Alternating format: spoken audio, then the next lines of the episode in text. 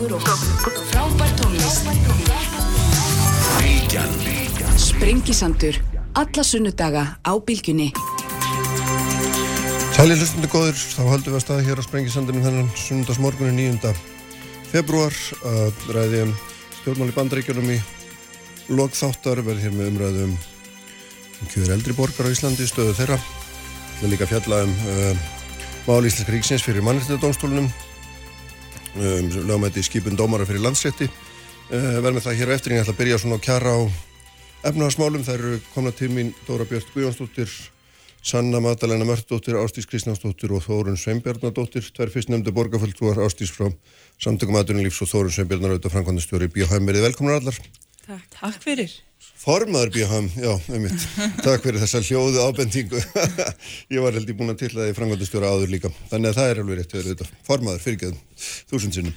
Heyrðu, hérna, já, það er sem sagt, og hérna, ég ætla nú aðeins að fá að byrja þér Dóra Ragnar, nú er ég búin að reyna hérna undanfarnar vikur að fá borga fulltrú til þess að koma og tala við mig um þetta eflingar verkvallega þar segja stöðun í því máli og það hefur nú reynst aldilis þrautin þingri eins og frétti að þú eru hérna reyðbúin í þetta Já, og hérna finnist ekkit að því og hérna mér langar að spyrja því álits á stöðunni vegna þess að nú er það þannig að sko bæði formaður, eflingar og framkvæmdastjóri hafa komið hérna og einlega líst í bara, já, líst í bara berum orðum að þeim finnist Reykjavíkuborg grunn og veru fyrlítið lánunarkonur. Mm -hmm. Það sé grunnurinn í þessu öllu og hérna og ég er svona verið að velta um mér ef maður er borgarfulltrú og vil maður sitja undir því að fyrlítið lánunarkonur því ég mynda mér að það sé nú ekki hérna það sé ekki það sem þið teljið ykkur gera en hvernig blasir þetta við þér? Já, ég eh, get nú ekki tekið undir það að, að, hérna, að við fyrirlítum lálaunakonur og ég talaði þetta bara fyrir minn flokk sem eru píratar og við erum meira hlutanum líka Já, já, vissulega. Ég, okkar flokkur er beinlinni stopnaður til þess að, að, hérna, að taka á þessari misskiptingu gæða sem við hefum séð í, í samfélaginu. En aðeins til þess að nefna þetta sem þú komst inn á fyrst með að hérna, enginn hafi verið að svara á svo leis, þá vil ég bara að það komi skýrt fram að ég hef þáð öll bóðum að koma og ræða þessi mál og ég sagði já við að mæta kynningar og samráðsfund eblingar sem svo var aflýst við aðrir ottvitar hefðu ekki bóðað sig Mhm.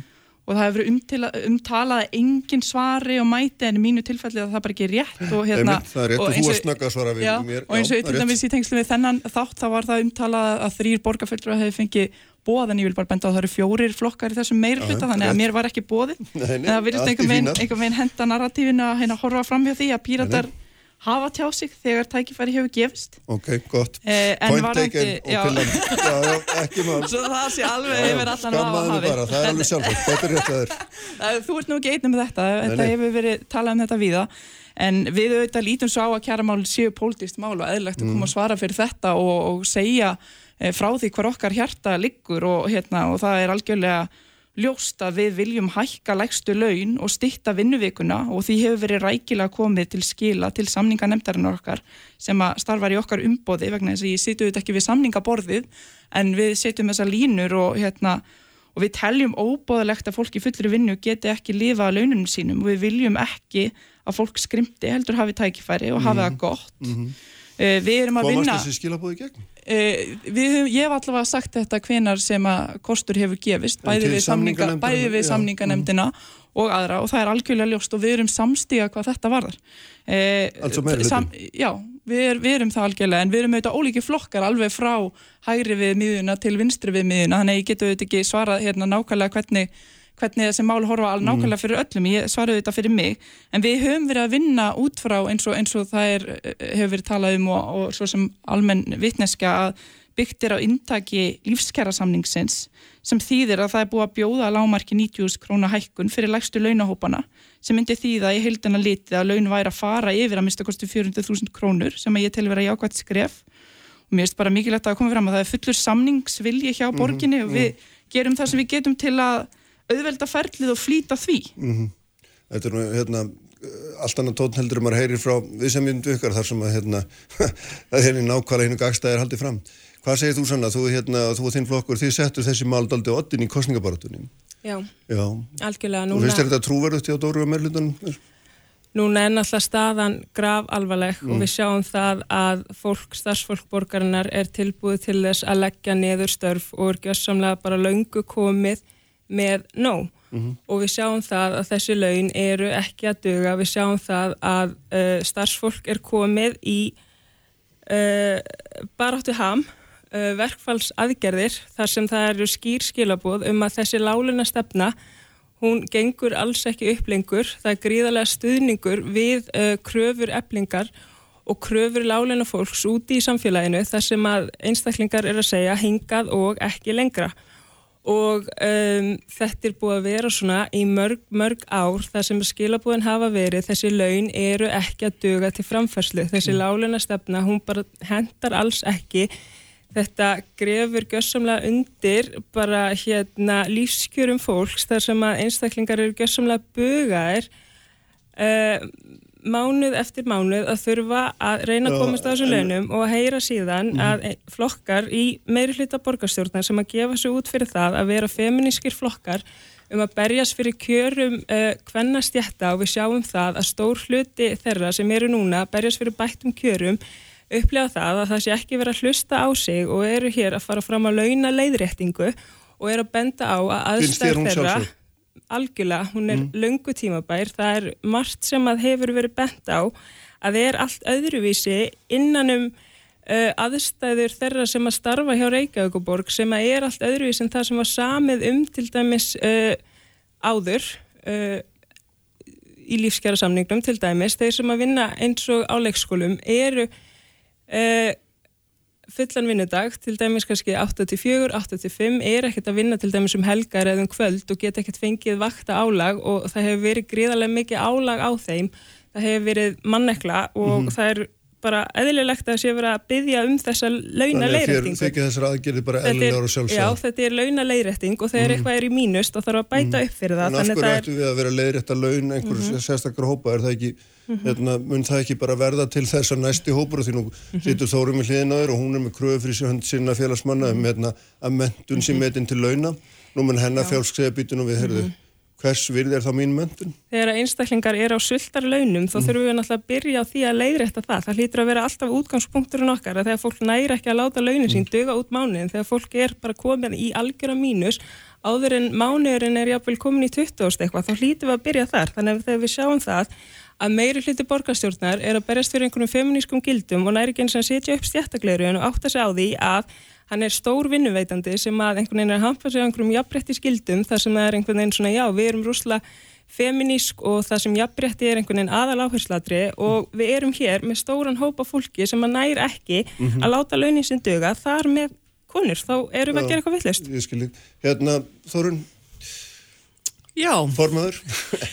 Já. Ég eh, vilti nú kannski bara byrja á því að segja að það eru þetta ekki bóðlegt að eh, fólk búi við fátækt sem er í fullri vinnu. Það er þekkt hér á landi og það er þekkt líka allstaður um hins svo kallaða vestræna heim og það sem við teljum okkur búa við sko í velferðaríkjum og við mikla velsælt og í grunninn finnst mér þetta að vera uh, krafa sem að allir eiga bæði að skilja og svara og af því að þú nefndir já, svo vil BHM, kom, kemur BHM í kjölfarið mm og mhm. vil metta mentun til launa og auðvitað viljum við það mm og höfum fært fyrir því mjög málefnarlega og gildrög að það að afla sér langskólamöntunar, taka námslán, taka þessi ár af lífinu sem að síðan í nýju lífeyriskerfi valda því að þú fær minni réttindi í því, það skiptir allt máli líka. Um, það vil stundum gleymast og ég hef vorið vör við það uh, talaði við fólk í bóðu um daginn sem hafði séð um þetta auglýsingarnar frá eblingu og það hreinlega trúði því ekki að einhver fengi útborga 200 eitthvað þúsund en það er þannig mm -hmm. og það er ekki bara þannig í eblingu, það er þannig víðar í landinu og það eru ofmargar lálinastjættir á Íslandi Eh, það vil stundum glemast að innan bandalags háskólumanna eru þær líka til. Eh, þar var samið um síðast hefur gerðum kjara samninga um lagstu laun 417.000, fær ekki neðar en það og í þeim samningum sem búið er að gera við ríkið er stemt að því að lámaslaunin fari í 500.000 á tímabilinu til 2023. Mm. Þannig að við þurfum að... Og er þessi launamunur dugandi? Finnst þér hann vera fullnægandi? Sko hann er Meina, ég, það er mjög erfitt að segja nákvæmlega tölunum það, hver og munurinn að vera. Mm. Ég reyndar þeirra skoðunar, við höfum aldrei þórað að taka umræðan í samfélaginu um launabill. Það er að segja að uh, hvað þú borgar fyrir tiltekin störf og hvert verðmætamatið er og uh, það er bara þannig að þessi umræða öll, umræðan um kjör eblingar fólks hjá borginni, umræða um kjör lánalöna fólks um allt land, hjá ríki, hjá öðrum sveitarfélugum, er að stærstum hluta umræða um kjör kvenna í landinu. Af því þetta eru yfirleitt alltaf kvennastjættir ekki allar en mjög margar.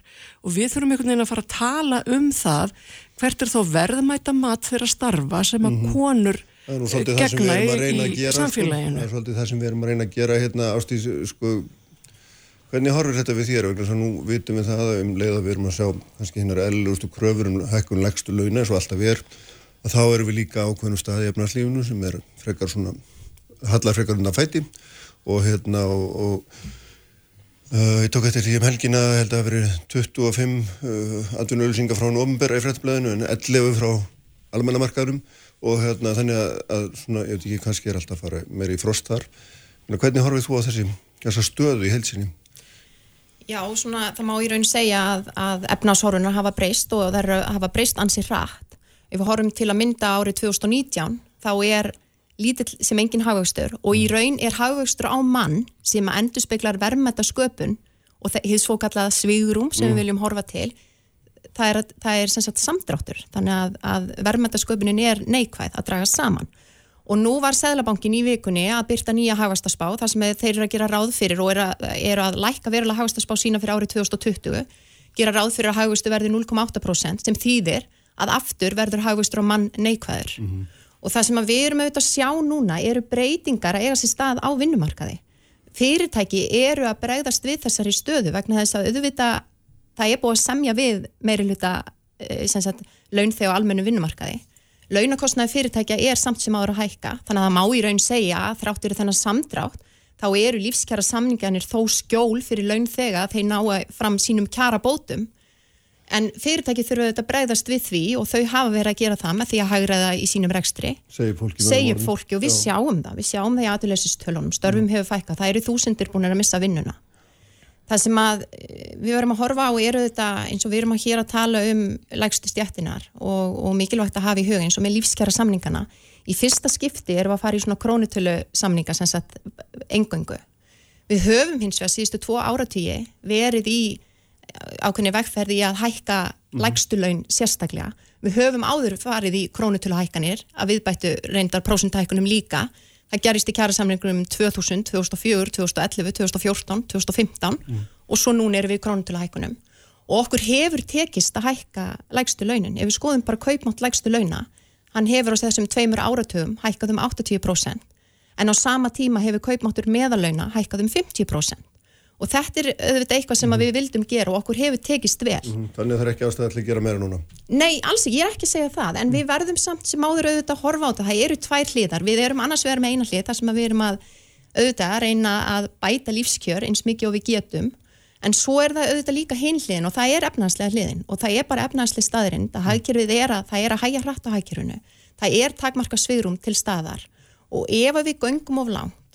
er hækkum laun umfram það sem er kannski undirleikjandi verðmættasköpunin er til staðar til að mhm. mæta þessum launakröfum. Að þá vitum við auðvitað hvernig það endar. Það endar í, í óstöðuleika það endar í verbulgu, það endar í mm -hmm. því að stæðlabankjum þurfa að hækka vexti uh, leiðrýting á krónunni og svo framvist, við þekkjum þess að sögur. En sjáu það sem við erum að upplifa núna og þetta eru auðvitað fordamilega staða, það er búið að ríkja hér stöðuleiki í fjögur ár, verbulga hefur verið undir markmið, stæðlabankin hefur að lækka stýrivexti um 175 punta og við finnum þetta, þetta mhm. skiptir máli. En þegar þú talar um þetta þá, hérna, segir margir svona sem er á mjög lágum launum segja bara ups og svo vott, sko. Ég get ennþá ekki, hérna, já, ennþá ekki fyrir selt í gröðin eftir 20. stafn. Nei, en, en lífskjara samningnir eru þó þannig að hlutvalslega er út eittur í krónutöluhækkanir, mm. þá eru lægstu launir hlutvalslega hækka meira heldur en herri mhm. laun. Mm -hmm. En myndur ekki fallast á að þau væru á lág en það eitthvað? Jú, en þá verður við, mm.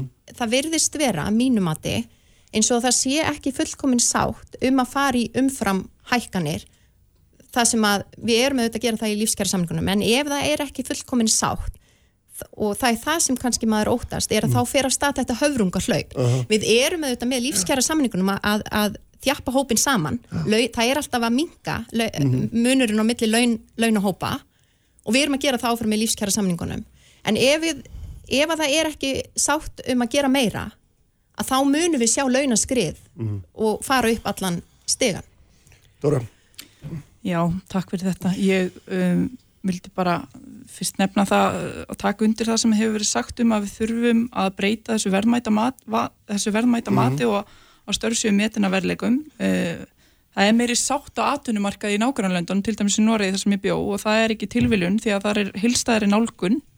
Og ég myndi segja að vandin sé sérstaklega hér að hér norræna vinnumarkaðsmódel hefur einfallega verið tekið úr samband á Íslandi sem er kannski ekki tilviljun í, í ljósi þeirra flokka og, og samtaka sem haf, hafa haft hér mikil ítök undan farin áratugji og, og norræna vinnumarkarsmódel kjarnast í helst háum lágmarks launum, litlum launamunni, alþjóðlum samanburði. En og sterku finnst þér- velferðarkerfi þar sem tækifæri til mentunar eru mikil og sjáum við breytingar á þessu af ykkar hálfu núna til dæmis í þessari kjaradeilu finnst þér?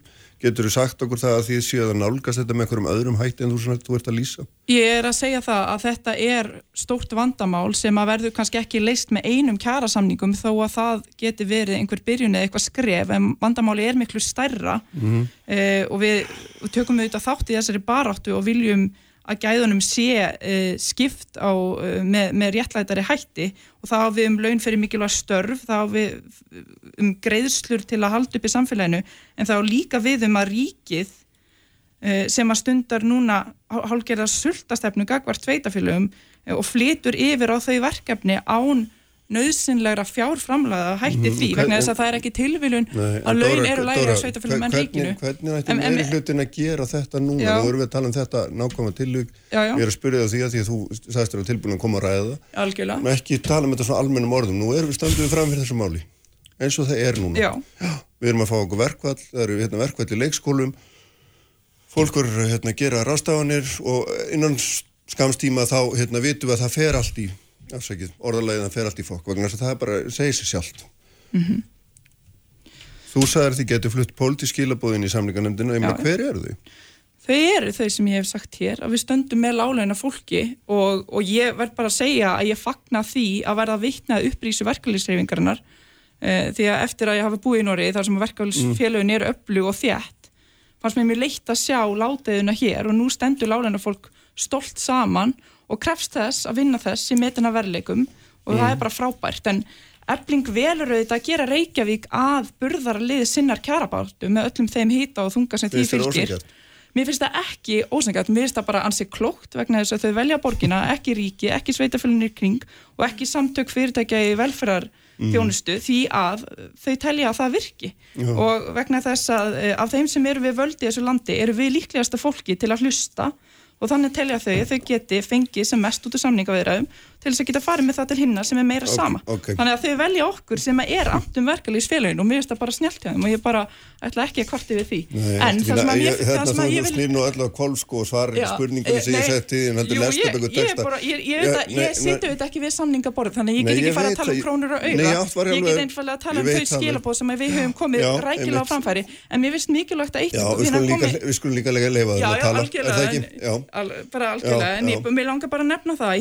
skulum Já, að já. Er Já. Já, já. að að er að höfrungar hlaupið og mér finnst það hansi ósangjörn umræða þar sem að öll ábyrðin einhvern veginn sett á legstu launahópana Mhm. eh, en við höfum séð að þróun undarfarna áratögu hefur verið svo að hækkun hæstu launa hefur verið meiri og langt umfram hækkun legstu launa svo ef það hefur verið eitthvað launaskrátt sér stað þá hefur það gerna verið þá Já. ábyrð þeirra sem hafa launin fyrir hafa þeir taka mest, já. En þú varst næst, hérna, já, ég veit það, já. Sko, um þetta er nú margt að segja Já. og Dóra Björn nefnir hinn orðina vinnumarkasmódel sem er nokkuð sem að hefur verið í umræðinu lengi, lengi á Íslandi en við í sjálfur sér höfum aldrei unnið samkvæmt því. Það hefa samt núna verið lög drauga því að svona koma meiri skikki á vinnumarkaðinn og gera vin, bæta vinnubröðin og annað slíkt, það gengur hins vegar illa og þetta síðasta tæpa ár frá því að samninga losnuðu á hinnum ofinbæra markaði sína það kannski best hvað við erum aftarlega á merinni þegar kemur á því að bæta vinnubröð og vinnumarkaði. Eh, Það losnuðu allir samningar hjá hinnu ofinbæra hjá ríkjun, allir ríkistarsmenn, starfsmenn allra sveitarfélag í landinu, ekki bara Reykjavíkur borgar og það hefur verið samið við brotabrót af þessu fólki. Og eftir að semja við alla kennar í landinu til dæmis. Uh, Það sem að Hefur þetta, Það þetta þegar hefur- þessi deila við Reykjavíkuborg núna ekki stefnumarkandi áhrif um þetta? Já, ég, ég, ég ætla að reynda að taka undir með Dóru með það að það er klókt hjá eblingu að taka borgina og, setja hann út í hotn. Af því það eru miklu fleiri sveitafjölu í landinu og það er verið að semja við þau með öðrum hætti. Þannig að, en á þess að ég sé að skipta mér að því, þá vildi ég samt það sem ég vildi segja hér, af því það er, uh, það er engi sem dregur í efa hérna almennu kaupmáttaraukningu og virði þess að hafa stöðuleika, lága verbulgu, uh, lækkandi vexti sem var nú orðið þannig að ég held að Íslendingar hafi verið hættir að trúa því að það væri hægt að lækka vexti í landinu og við sem höfum upplifað óðaverbulgu vitum alveg uh, hvers konar skrimsli hún er og ég vona enginn vilji fara þangað aftur af því það skiptir máli að hafa efnaslega stöðuleika. Vandin er þessi að lægstu launin í landinu eru þannig, lægstu og meðalaun, að þau færa þér ekki nægar tekjur til þess að lifa af. Þú getur skremt en ekki neitt rétt, meira en það. Og hvers vegna er það? Það er vegna þess að húsnæðismarkarðin hefur verið í ólestri, algjörum. Það er vegna þess að skattkerfið er ekki að jafna tekjur og líf í landinu með þeim hætti sem það þyrti að gera.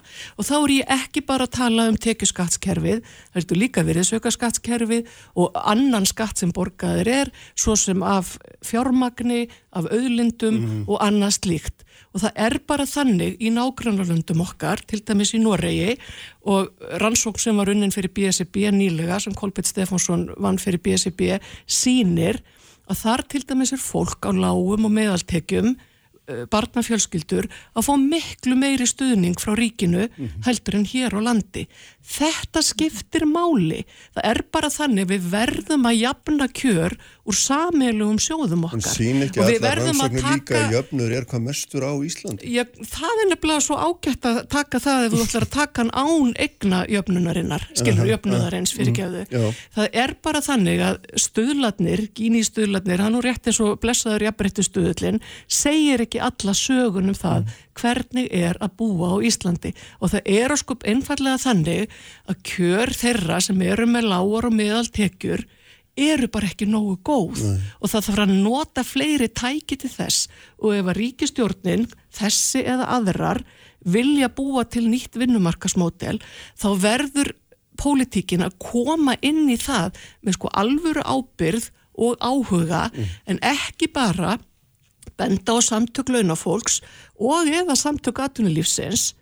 Ég get alveg tekið undir það að það sé mjög þungt að vera í rekstri fyrir lítil fyrirtæki á Íslandi og ég hef aldrei skilið hvernig innan samtaka atvinnulífsins það er látið viðgangast það er kvartað yfir tryggingagjaldinu en það er ekki kvartað yfir því að það er alltaf vera að létta álögur og stórfyrirtæki og uh, hérna, útgerðina. Þetta verður alltaf að hanga saman.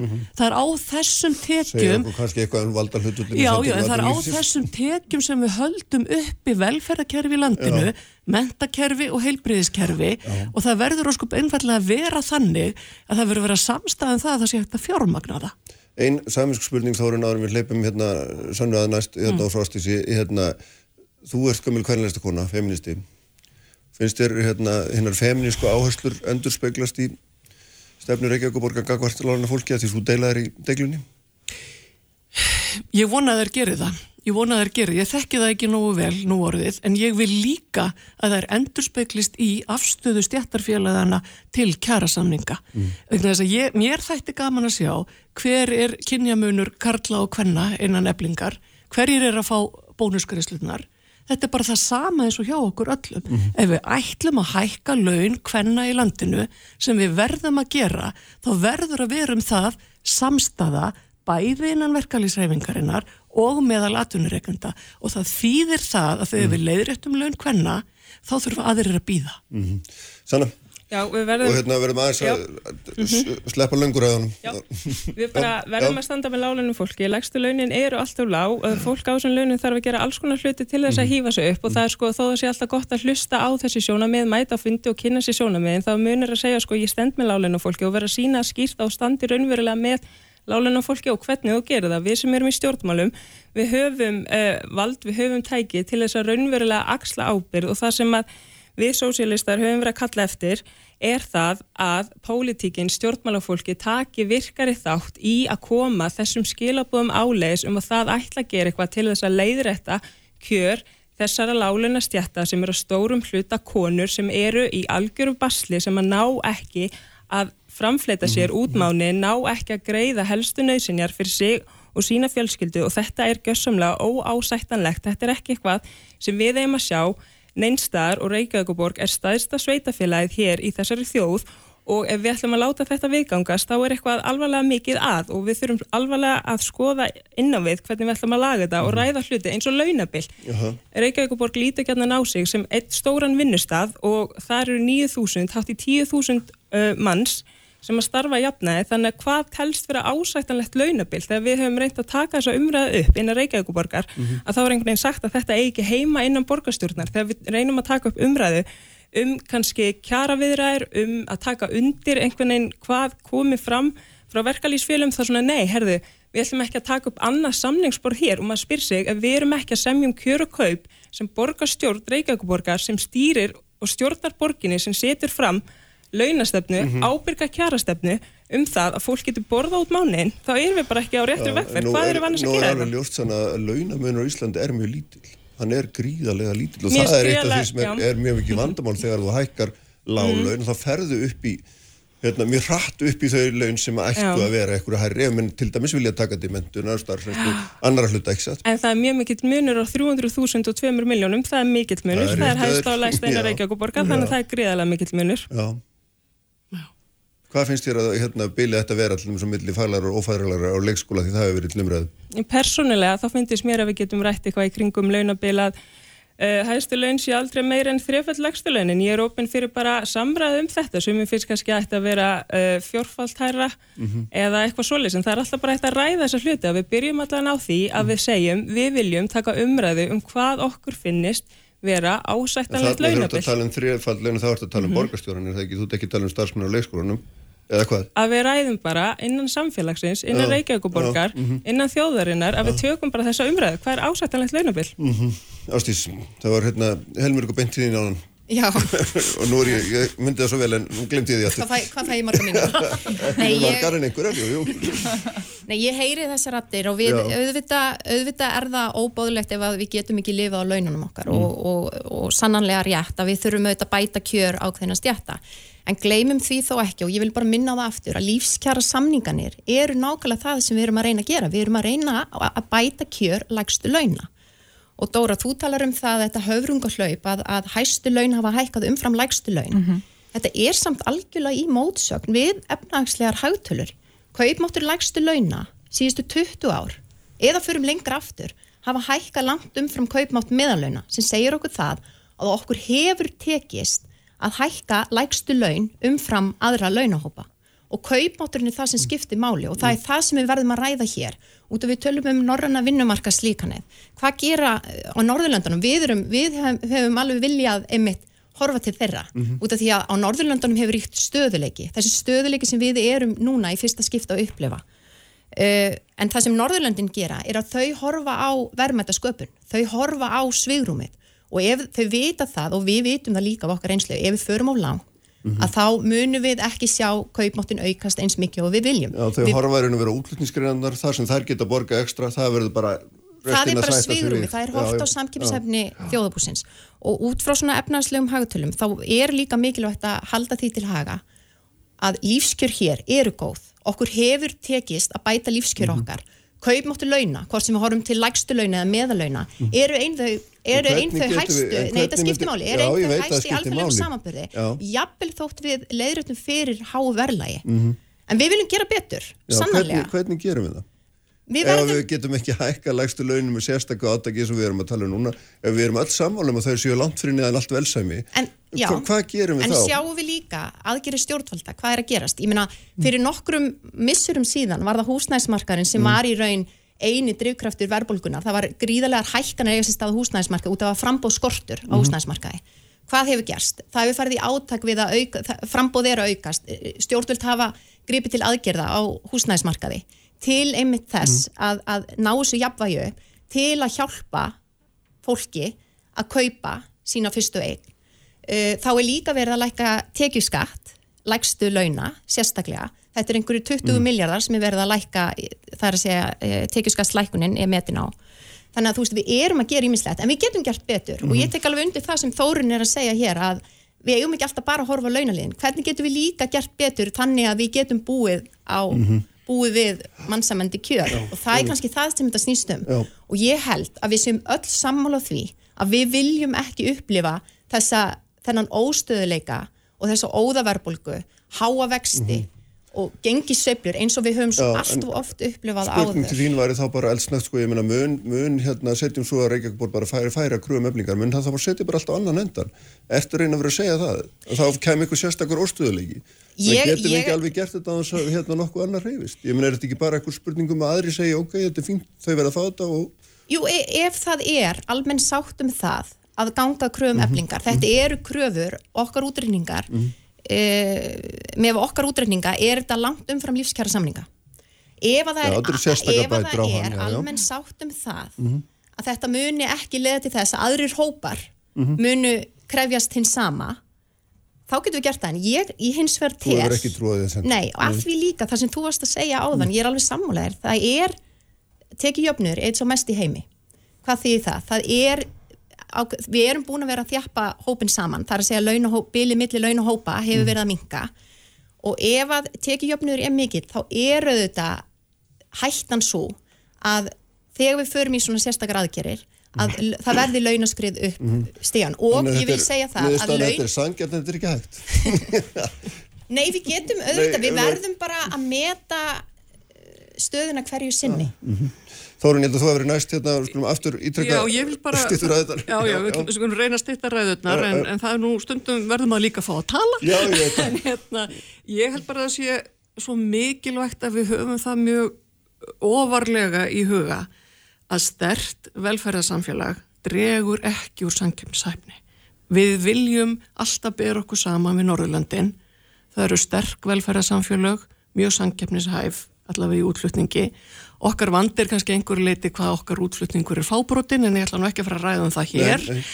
Þannig að við verðum alltaf að taka kjörin, launin og kjörin í samhengi við samfélagi og það verður auðvitað að vera þannig að þú hafir efnáði að fara til tannlæknis, að þú hafir efnáði að veikjast, ef maður orða það þannig, að þú eigir þak yfir höfuðið og búið við húsnæðis öryggi, hvort sem það er í leiguhúsnæði með öðrum hætti og það, það sé þannig að þú lifir ekki í fátækt ef þú ert í fullri vinnu. En- Síðan er það lík, og þetta eru bara grundvallar kröfur í samfélagi sem ég held að Já, já, allir ætti að já, já. geta, og þetta er samvinnuverkefni stjættarfélaga og En atvinnurekenda og stjórnvalda. væri þú til í það Þórun að, hérna, ef, ef við samþýttum að hérna, þetta, þessir hópar eflingar fengju, Mm. fengju þessa leiðréttingu að þið myndu hérna, líta bara fram hjá því og fara ekki fram á það?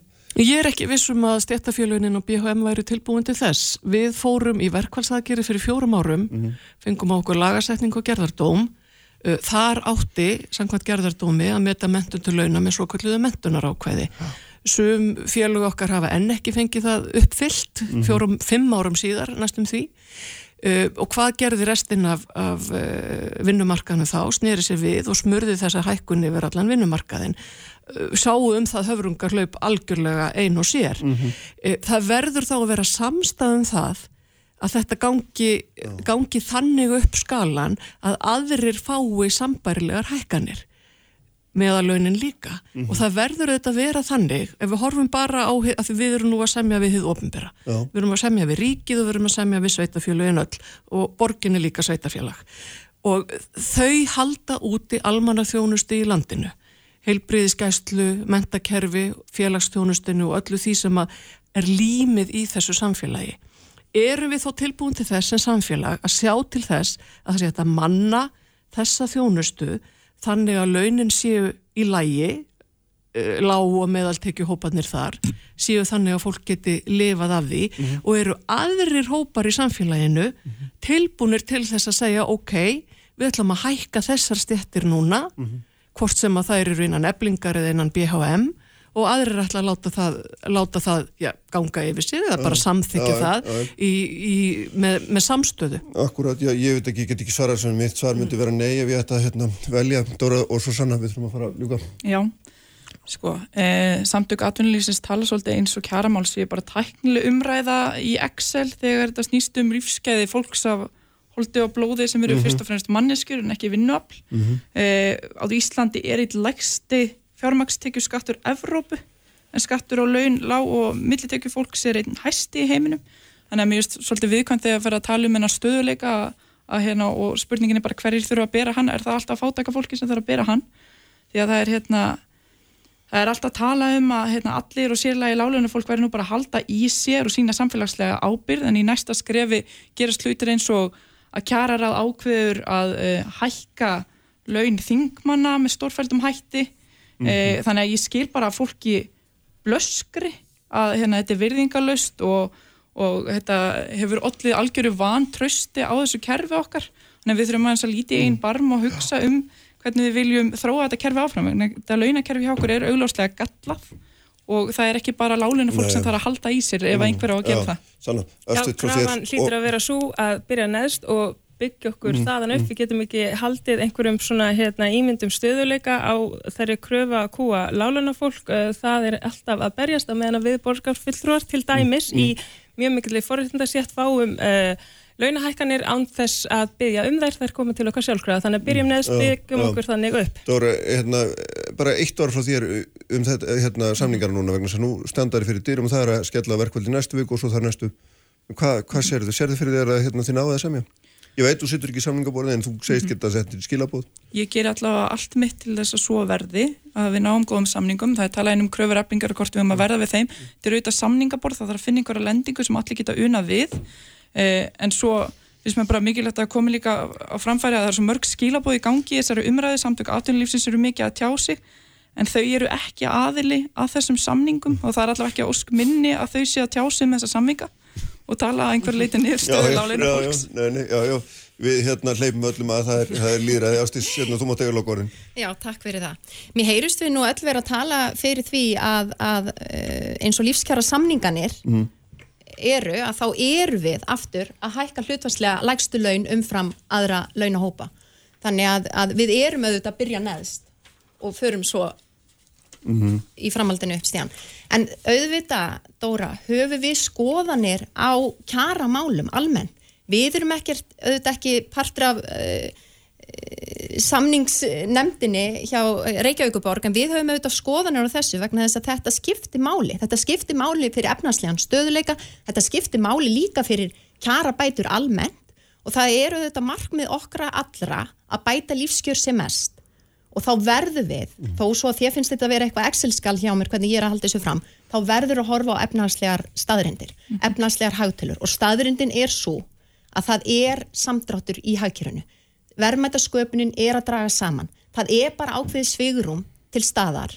Og við verðum bara að horfa á það og meta það út frá því. Og ég til að við séum í lífskjara samningunum að reyna að knýja fram kaupmátt bæta kjör, sérstaklega þakka ykkur öllum fyrir að koma, fróðlegt og skemmtilegt og hérna, og svo vonandi semja allir bara fljótlega eftir helgi þannig að við þurfum ekki að hérna, karpum þetta mér í bíli. Heyrðu, hérna, Kjartan Björgvinsson, formaður Dómarafélagsins verður hjá mér eftir augnablik og við ætlum að fjalla um allt annað mál. Sprengisandur, alla sunnudaga á bylgjunni. Kraftmikil umræða alla sunnudaga. Sprengisandur á bylgjunni. Sæli hlustundur, höldum hérna áfram, uh, það eru farna frá mér eftir kjæramára umræðina og hérna efnarsumræðina, uh, Ástís, Dóra Björn, Sanna og Þórun Sembjarnadóttir. Uh, ég ætla að fara hér í, í landsréttamálið, hann er sestur hérna hjá mér Kjartan Björgvinsson sem er formaður Dómarafélags Íslands, velkomin.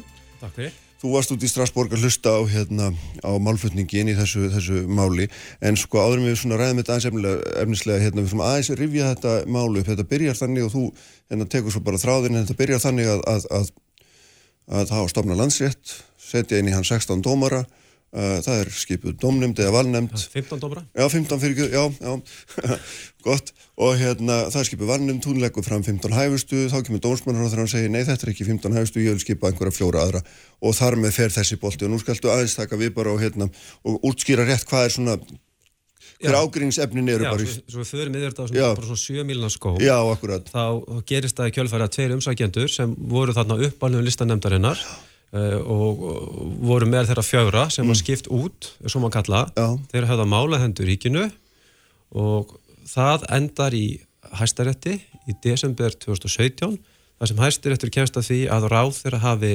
brotið lög Já.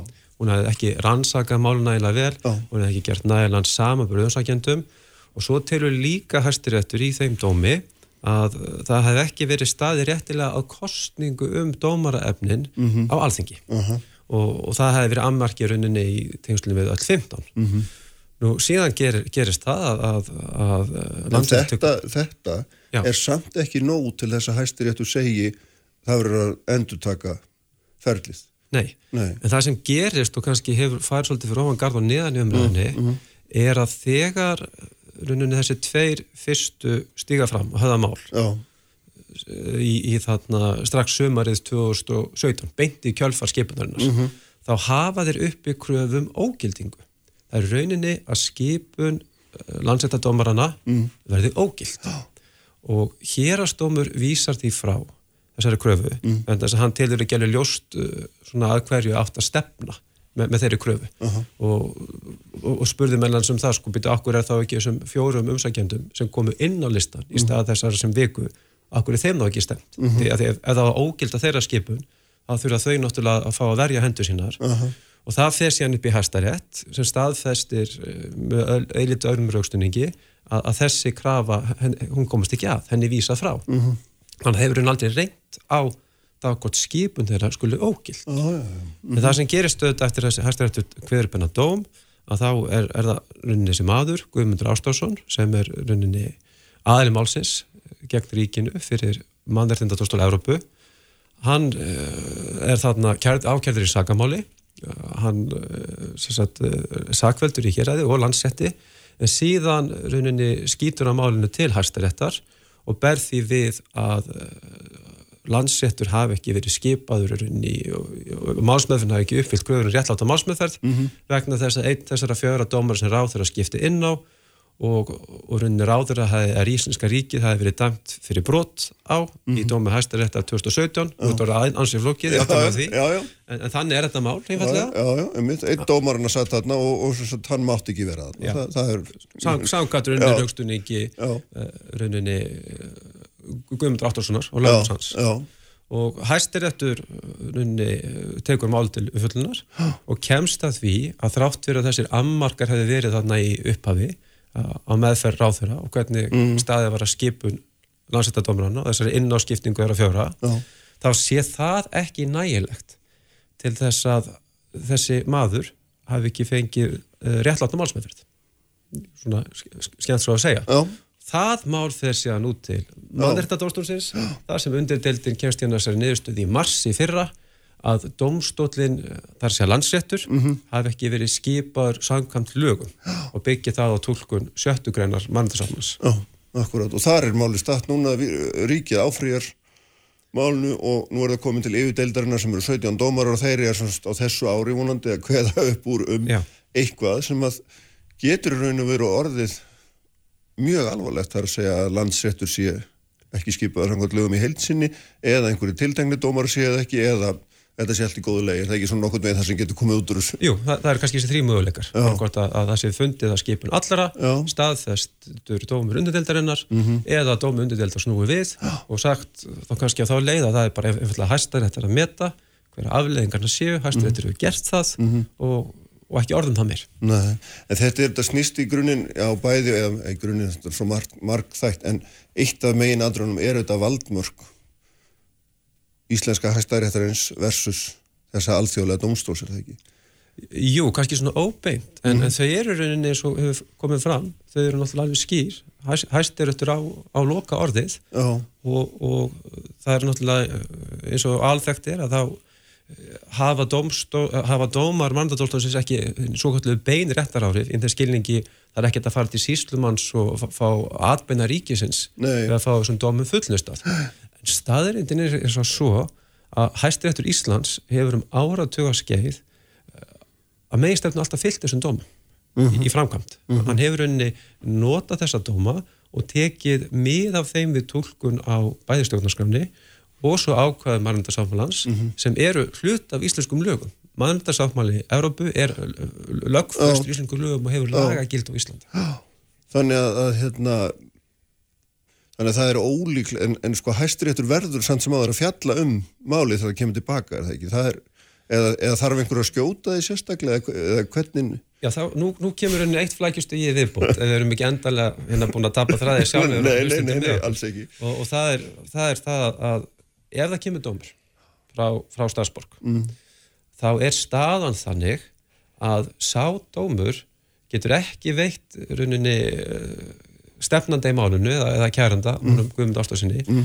hann getur ekki veitt honum sjálfkrafa rétt til enduruttöku eins og Íslands lög standa akkurat núna uh -huh. og það gerist til dæmis í fyrra árið 2019 það eru tveir menn sem eru sakvaldir fyrir, fyrir skattalagabrót uh -huh. og þeir leita til mannundastólfusins og finna því að þeir hafi sætt tvöfaldri resum með þærð sem er bönnuð samkvæmt ákunni viðauka við sáttmálan Mm -hmm. nú þeir vinna málið þannig úti. Og þeir snúa aftur hingað heim með það í, í farteskinu og óskættir enduröttuku og þá fá þeir runni sinjun á því að hálfa hæstaréttar vegna þess að dómur varnundardómsdómsins hann veitir einn og sér ekki rétt til enduröttuku hann, hann stopnar ekki rétt til enduröttuku Mm -hmm. en nú er akkurat frumvarp til meðferðar hjá alþingi Uh -huh. sem, sem miðar að því meðal annars að, að ringa þessar möguleika þannig að það hugsanlega hægt að taka upp mál Mm -hmm. þegar komin er dómur frá mannundardómsdól erfi Mhm. og, og við, við þekkjum slíkt úr, úr nákvæmlandum okkur Já, en eitt, eitt er náttúrulega kannski endur upptaka þessa, þessa afmarkaða máls er síðan vantilega réttar áhrifin af af, af hérna af umfjöllurinni ef svo maður segja af, af úrskurðinum er það ekki eða hvað? Jú, rauninni sko, það kemur, það kemur dómur Mhm. þá þarna þá er kannski næsta spurning hvernig mun hæstiréttur fara með þann dóm? Já, og við höfum náttúrulega dæmi um það á sögunni þegar við vorum með uh, þetta gamla fyrirkomulag sem gildi hérna fram á uh, loka áratu síðustaldar að það voru við með þetta sem hljóma mjög sérstatt fyrirkomulag í dag en allir tóku þessu gefnu að, að síslumenn færu bæði með framkvæmdavald og dómsvald. Já, þannig að síslumann gætt handtekja mann fyrir að brjóta stöðunarskildu og svo var einfallega bara fullur síslumann sem fór í aðra skikki og dæmdi manni já, já, og þetta þóttu öllum sjálfstað, Já, já. sjálfsagt þannig til að fóru út til mannandardómstóðsins og hæstiréttur náttúrulega dæmdi í rauninni alla samkvæmt þessari meðferð. Já, en síðan kemur þessi dómur og það sem hæstiréttur gerir þá á árið 1990 hann breytir túlkun sinni á rauninni hæfisreglum réttafarslaga þannig að rauninni þetta telst ekki lengur heimilt. Mhm, og það er ágætt dæmi um það hvernig dómstólinn hæstiréttur bregst þá við þessum dóma utan, hann breytir framkvæmt sinn, hann breytir lögskynning og túlkun á, á, á lögum. Mhm. En hvað er svona, við, við veltum aðeins fyrir okkur sem þremur möguleikum sem við nefndum áður uh, ríkir í síknað að, að þessir fjórir dómara sem þarna varum að ræða erðu, þeim er þið gert eitthvað megin að taka hatsinn og staf eða skipan þeirra væri ólumætt eða þá allt heila klappið væri, væri anstætt lögum. Hvað, hverjar afleðingarnar hennu síðastnefnda náttúrulega hljóta að vera eiginlega gigantískar Já, og svo er þetta alltaf sem flækir málið er að ef er, svo færi finnst þér þetta líklegt í alveg tala ef maður, ef byrja, maður byrja að byrja þar. Sko ég held að ég ég held að svona mín persónulega reynsla, Mm. ég hef nú starfað hjá alþjóðadómstólum í um, sex ár. Já, ég held að mín persónulega reynsla hvernig fólk uh, spáir fyrir um niðurstöðu þeirra sé uh, til þess fallin að, að að fólk fari mjög varlega. Ja, og, og, og minni mig á það. Já. og ég var nú sjálfur starfsmæður eftir dómstólsins, Aha. æsef dómurinn kveðin upp, það nú ekki margi vonu því að hann færi eins og hann færi. Mhm, og mér skilist að það verið búið efna til málþings í Reykjavík sama dag og átt að kveða upp dóminn. Og svo var rauninni því málþingi snarlega aflýst vegna þess að allir sem átt að tala á þinginu þeir voru búin að undirbúa sig með það fyrir augum að sko Íslenska ríki tapaði málunum Aha. þannig að það var enginn tilbúin að tala um uh, þá niðurstöðu sem, sem varð. Nei. þannig að menn ættu kannski að fara varlega með það. En það sem eru þetta vandamálið hvort sem sko yfirdeild mannréttadómstofsins kemst að þeirri niðurstöðu að, að þau séu öll ránglega skipuð eða bara fjögur. Það breytir að því ekki að þau eru skipuð öll dómrar þau njóta verðar sem slík uh, samkvæmt stjórnarskráni og það verður raskaplega erfitt fyrir ríkið sko það er kannski vandkvæði ríkisins við að leysur því máli er að gera það með þeim hætti að það sé ekki brotið aftur þá gegn sjálfstæði dónsvaldsins mm. með því hvernig, hvernig list er úr rauninni réttastuðu þessara, þessara dómar ef allt fyrir á versta eða, eða næst versta veg já, Þannig að þetta verður já, já, sko hérna verður nú ekki til þess að auka trú á á hérna á þetta system allt saman svona ef þetta fer í algjör að flækju líka Já, já og nei það sem er kannski jákvægt við að þetta mál sé til meðferðar hjá yfirdelt mannundadónstóðsaröfu mm. Er að þarna gerst dónstólnum tækifæri til að fjalla bara almennt og kannski með svona nákvæmari hætti en áður hefur þekst um hvaða kröfur vera gerða til aðaldaríkjana samkvæmt mm. mannundarsáttmála Evrópu um skipun dómara og sjálfstæði dóshaldsins mm -hmm. og það eru svona, við getum kannski orðaði þannig að veður séu válind í Evrópu já, já, með, já, með, með dósvaldið og afskipti stjórnmálmanna því og það er ekkert uh, útilokað að dómstólinn til í tilinn til að fjalla svona með afgerandi, kannski meira afgerandi og nákvæmri hættin fyrir um þetta mm -hmm. og það er eitthvað sem er ekki bara okkur á Íslandi til gagsæltur allri Evrópu, mm -hmm. en það er framlega stundirvólandi Já, en sko hérna var, til þess að teki í frásögnum af, af málflutningum í Íslenska ríki hefði mætt fílelt með fimm lögmenn meðan hérna, uh, sækjandin var einn og, og hérna, til marsum það að Íslenska ríki sko, hérna, teldi sig verið að verja mikla hagsmunni uh, og, og maður áttar sér ekki alveg á sko, að því að nú er Íslenska ríkið ekki, ekki hérna, til fyrir sjálft sig heldur til fyrir borgarana. Og það lítur að vera meginadrið að þeir njóti hérna eða geti trist á sko óvilhalla málsmeðferð og, og réttláta samkvæmt lögum en ekki það að einhver uh, skipan og ofinber sko að sé hangið henni eins og hundur í róði ég meina hvaða hagsmun er verið að verið? Ég, sko, nú, nú tala ég nú kannski bara með neyslu minn sem dómar, ég mm. held að það sé alltaf hjálpið því fyrir dómara mm. að málfullningur sé eins og vandaður og framast er und og, og það sé reynda að, að lögmenn gerir sitt besta til að varpa ljós og öll hugsanlega rauk í málunum mm og, og atvik og ég held að lögmunir báðmenn í salnum, bæði lögum að sóknaræðala og svo varnaræðala í mhm. ríkisins, hafi staðið sem mikil í príði, hvað sem niðurstaðan verður. Þannig að vonandi sjáum við merkið þess. Þetta var mjög diplomatið svar. Þetta var mjög diplomatið svar. Ég meina hvað, þú veist, að því að hagsmunir, henni stóru hagsmunir hljóta að vera hagsmunir borgarana maður þeir geti trist kerfinu, frekar en hagsmunni kerfisins að verja einhverja tildeknar aðtapni sínar, eða er ég að miskilja þetta? Jú, en við þurfum alltaf að horfa þannig þarna sko voru þau mm. þeim hjá, hjá ríkinu og svo Viljam H. Viljánsson 1 þeir sóttur aðala mm. þau eru þarna að tala við 17 dómar sem öll hugsa með málum við sjálfstæðum hætti volandi mm. uh, njóta aðstofar uh, lögfræðinga úr, úr rauninni deildum dólstólsins mm. Þannig að ég held að sko þótt, þótt annar aðli sé að mæta hann með fimm lögmenn og, og, og hinn með bara sé þarna eins og eitt sín lis mm. þá þá þurfum við ekki að hafa eitthvað áökjur að því að, að, að dómarana verið veri töluð í kaff mm -hmm. þau hafi, hafi alla börði til þess að leysa úr þessu máli og, og komast að sjálfstæri niðurstöðu -hmm. og, og ég ætla kannski ekki að vera eitthvað reyna að gerast eitthvað spámanlega vaksin en svona oft er það nú þannig í þessum dómum yfirdeldarinnar að það koma svona ykkur að tvær, þrjár megin líns þegar endalinn niðurstaði kemur mm -hmm. sést meiri hluti og minni hluti og svo er ekkit óalgengt að svo komið þarna e, hópur dómara sem, sem vilja staðfesta niðurstuði meiri hlutans með ykkurum öðru raustunningi mm -hmm. og málfullningurum bara alveg þess merki að, að dómstóla, dómaranir með, í spurningur sínum væri kannski á dáliti ólíkum brautum mm -hmm. sín á milli en svo getur það náttúrulega allt breyst svo, sem maður þekkir. Já, og svo fara þeirra að raukraða málið og skrifa sína álitskerðir og skiptast á, á skoðunum og það getur tekið, það ekki allt þetta ári, ég menna, hvað svona, veist, hvernig, hvernig metur sem dómar í stöðu kollegaðína svona bara frá degi til dags í, í landsiti, virkar hann bara eitthvað mati eins og hann ábæst að virka eða er þetta ekki, menn eitthvað lítur þetta að vera undarlegt ástand þegar það svona Eða er það ekki þannig? Já, ég held að þetta sé nú aðalega vest fyrir þessi, þessi þarna, fjögur. Já, já, þau er náttúrulega að sitja bara sem- staðar og sem hafi- hafa ekkert að gera. sem hafi, hafi, lendi, sem hafa öll lendi í þessum hríðarbyggj Já. öll hafa sko einstaklega farsalar einslu sem dómaras Mm. og hafa átt glæstan starfsferil hvert um sig þannig að þetta þingur en tárum taki að þessi uppákoma verið til þess að þau séu einfallega bara sett á hliðalínuna Já. og það þarf auðvitað að finna einhver, einhver eðla lustn á því máli eh, ef tilumni gerst til þegar, þegar lokatómur fellur já, Og það er, er ekki gert fyrir en þá.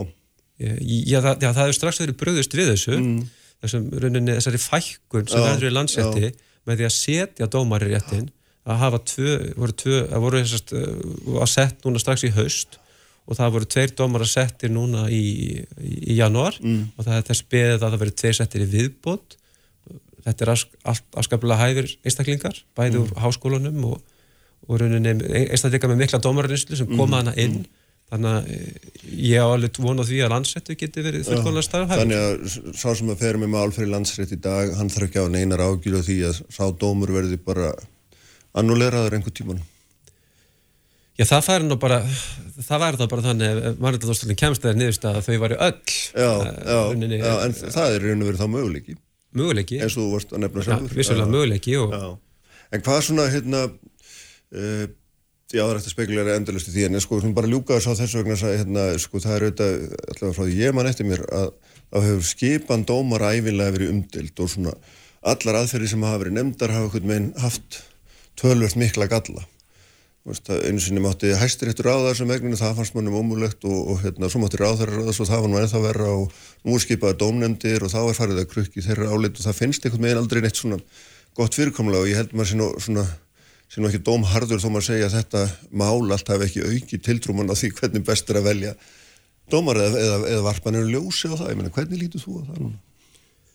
sko ég held auðvitað náttúrulega hverjur allt í skuggan þegar, þegar vandræði komið mm. eins, og, eins, og, eins og núna en ég held að við lítum tilbaka kannski undanfærin tíu ár síðan er rauninni dórsmáraðara sem þá er Ragnar Átnandóttir mm. breytir þessu og setur þetta í farfið nefndarinnar þá hefur, þá hafa skaplega fáar skipanir valdið ykkurum, ykkurum deilum eða komið til kasta domstóla eða umbósmanns mhm. Þeim, þeim hefur snarfækkað og það hefur kannski alveg verið tilvæm til að gaggrýna bæði aðkomur á þeirra og svo og í þessu tiltekna máli já. og svo þarna stundum raukstunning nefndarinnar í einstökum öðrum málum, ég, ég ætla ekki að draga fjöður yfir það, en ég held á heldina litið það þetta gefist býstna vel Mhm. Og við skoðum bara svona þá breytingu sem hefur orðið á, á þessu þá uh, getum við litið bara á það að síðan 2010 þá hefur konum í dómarastett nýskipum konum fjölga mjög mikið Mhm. og ég held að tímanlust hafi, hafi raunin bara þær sem allir notið góðs að því að þetta hefur komið sér í formleiri farveg það er uh, svona uh, gegnsæra ferli Mhm. meiri raukstunningur en auðvitað getum við alltaf, alltaf bætt það Mm Já. Þannig við ættum ekki að draga þann lærdom á þessu máli að okkar kerfi sé einhvern veginn þurfa, því þurfa að bylta með einhverjum hætti. Nei, ég, ég held ekki, ég held að við getum alltaf bætt það Já. og getum alltaf vandað okkur betur og þetta mál er fyrst og fremst áminning um það. Það eru gerðar miklar já, kröfur til En aðkoma skipunadóma. pólitíska valdsins þarf hún að, Ég menn þurfa að geta varfærni við það. að því nú var þessi að því hún nefndir upp á hérna þessa, hérna, sem var haldin áfram að flækja máli að, ráðharinn ekki sint rannsóknarskildu sinni en, en svo ég veit að hún hefur nú margsins komið fram og hvað átti ég að gera betur og það hefur raunum verið aldrei neitt geta svara því almennilega. Já, það sem er kannski línan sem er lögð í dómi hæstaréttar og, og, kannski dómi hérastóm sem, sem fjallan áður mm. er það að hún hafi einfallega ekki og það kannski líkilatri í málinu, hún hafi ekki gert nægilegan samanburð þegar uh, rauninu hún á umsækjendum, þegar hún ákvaða að hækka þarna fjögur upp í matinu með tildi dómarinslu, það hafi ekki farið fram heilstæðu samanburður á öllum, það er tekingu ný kriterja og henni bara beitt á fjögur en ekki alla. Já. og það er kannski svona ákveðin efnislegur afmarki. En við það má þetta bæta og það var kannski ákveðið vandamál við hvernig var staðið að skipun landsettar að þetta var gert í held ég alltaf miklu það að verið að reyna að ljúka þessu eins, eins fljótt og mögulegt var fyrir þingli sem við minnir að hafi verið fyrsta, fyrsta júni en þessi dómar þau ætti ekki að taka til starfa fyrir en fyrsta janúar á sex mánuður liðnum já, já. þannig að eins og ég segi enn aftur þetta sé enn aftur áminning maður vanda sig og, og fara með gát þannig að það er dýrt að gera það ekki Já, það er vist alveg hérna. Það er svo sannlega komið á daginn. Gjertan, takk fyrir að koma. Takk fyrir. Og hérna, Viðar Eggertsson verður hérna hjá mér eftir augnablik. Frettir þjóðmál og pólitík. Sprengisandur á bylgjunni. Uppspretta frétta á Sprengisandi á bylgjunni.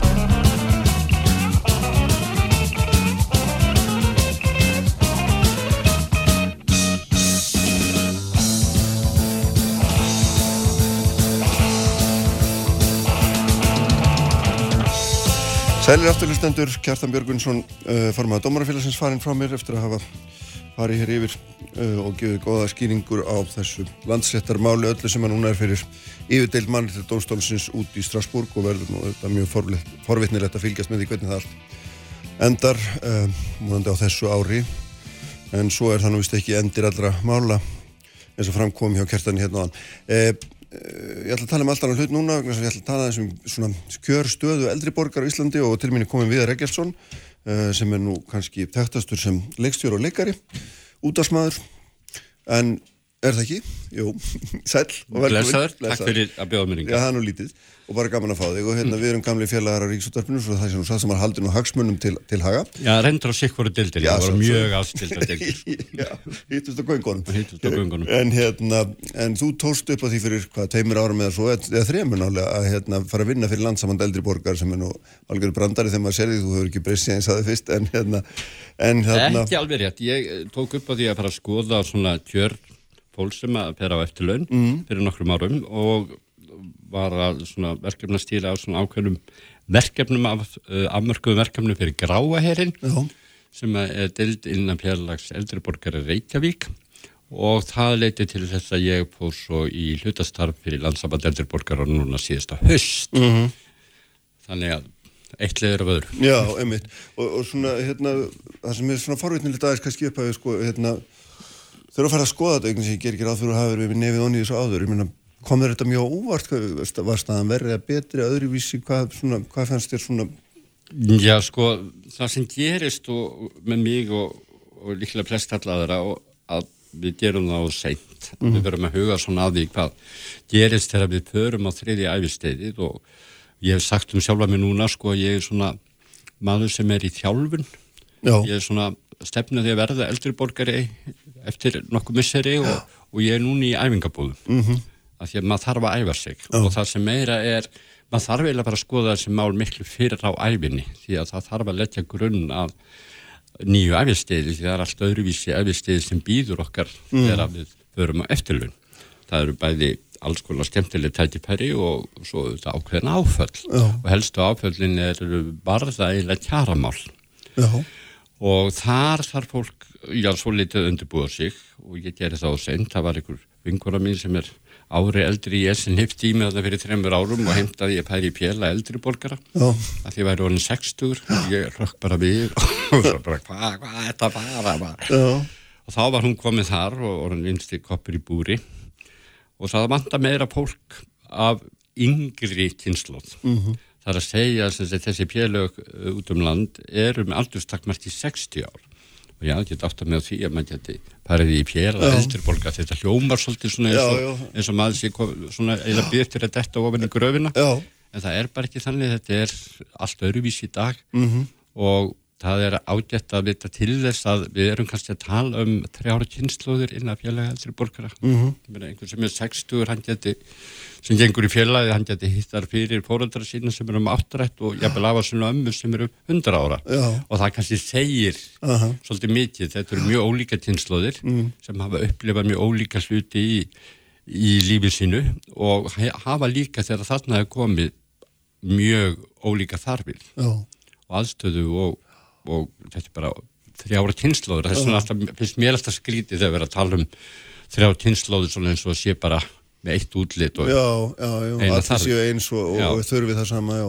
En það sem þau er nú kannski svolítið sammiðlegt og mm. það eru tjörðira mm -hmm.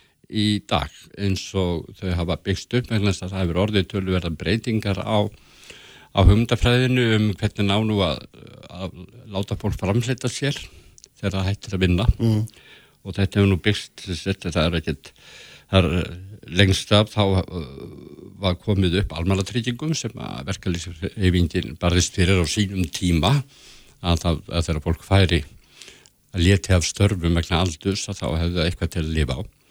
Og það væri svona afrakstur af framlægi þessi gegnum tíðina því öll höfum við borgað skatta og stildur svona Mhm. flest okkar Já, allavega sem heiðaleg Já, var já. samviskusamlega í gegnum alla starfsæfina og svo sem sagt kom hugmyndin að bæta þar við það er að segja lífeyrissjóðum það er sem sagt framlag póls að það leggur til hliðar fjármagn og Mm. síðan var hægt samdi verkefliðssefingi við aðturreikendur um mótframlag og þetta sem sagt hefur verið svona þróast í gegnum tíðina og þeir fyrstur sem greittu í lífeyrissjóði í svona, við getum kallað þetta séreignarspartnað, þetta var Mhm. svona stílduspartnaður, Já, já. þessi stílduspartnað getur við talað um þetta, var já. svona fólk að leggja í sjóð fyrir efri ánin til að bæta upp það sem það annars fengi frá hérna sam, samveginlegum sjóðum okkar sem, er svona afrakstur af því að hafa lagt í samveglega sjóði alla sína starfsæfi til sem við kvöldur rítisjóð Mhm. og hérna það fengi sem sagt einhver launalokum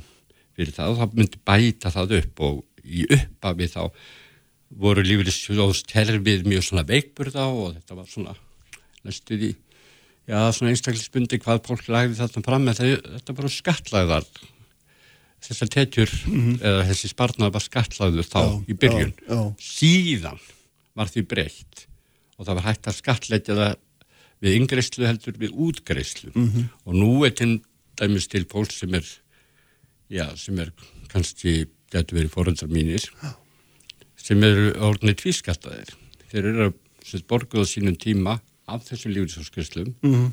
og eru aftur að borga núna Skatta Jú, þau þá- sögum, já, Já. já. tvískattaða og svo verður það fyrir stjerðingum því að svo komum upp reglur um það að, að lífriðsjós eign eða greiðslur myndur stjerða það sem kemur frá almannatryggingum Já.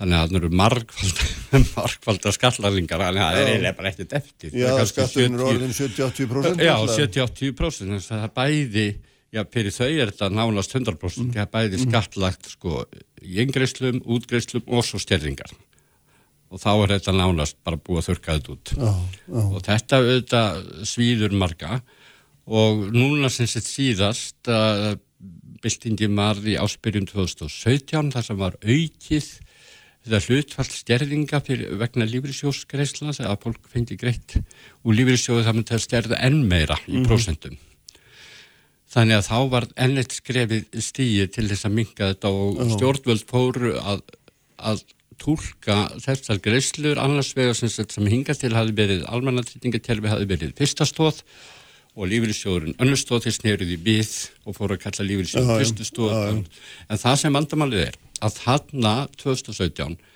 þá er fullt af fólki sem þegar er á lífeyri eða er að fara á lífeyri sem var ekki með svo burðu að lífeyrissjóði. Mm -hmm. Lífeyrissjóðskerfi var ekki orðið að þróað á þeirra æfisteiði. Mhm. Þannig að þessar stjerðinga koma tiltölulega snemma við kannski eftir 15-20 ár er að bara koma einn kynnslóð sem býr við miklu voldugra lífeyrissjóði. Já. Það er alltaf að aukast núna í kjærasamningum Já, framlag hlutfall, atvinnreikenda er að hækka og, já, já. Og þetta er að verða ofsalega mikil skattlagning á atvinnreikendur eru tryggingadjöld og Já, lífeyrissjóðsgjöld já, og svo já, framvegis. já, já. En þessi kynsla, hún er ekkert... er Já. Já, þessi kynsla, hún er ekkert komin inn. Nei. En kynsluðin sem að hefur miklu stertari réttindi, hún fær allan stjellin. Já. Þannig að maður segja þess að breytingar urðu 15-20 árum og snemma. Sem er svolítið merkilegt í ljósi þess að að það hefur verið talað um að sko, aldurstróun þjóðarinnar verður þannig að það verður alltaf fleiri og fleiri sem eru eldri en yngri. Jú, jú, jú, og reynda gerist þetta um alla Evrópu en við erum til dæla ung þjóð. Þetta gerist hægar hjá okkur hér því að hér eru til dæla þú duglur eignarspöld til dæmis og, og tæknumæður hérna sem betur fer. Mhm. að, en stjórnvöld eru núna að vakna upp við vondan draumum að þetta sé nú í framtíðinni að það verði hlutvöldi skrítin. Já, já. Ég vissi þetta alveg þegar ég fætti sko nánast að það væri, þú veist hver barnignir voru á þeim tíma þannig að það ætti ekki að koma nefnum óvart Nei. en Mm. annars samt viss, vissu þeir það var í samt við hérna eftirlaunin, þeir bröðust mjög hratt starfið þeim var strax ljóst að þarna er í sprenging einhvern tíma setna mér Já. en í öllum öðrum málum kemur hann með þetta á það er mjög sér til þess Já, akkurat, já. en þetta sem sett uh, já, það, þannig að það eru mikla deilur núna uppi hvernig eigi að tólka eftirlaun í dag vegna þess að Mhm. eftirlaun eru samsett úr svo mörgum þáttum Já.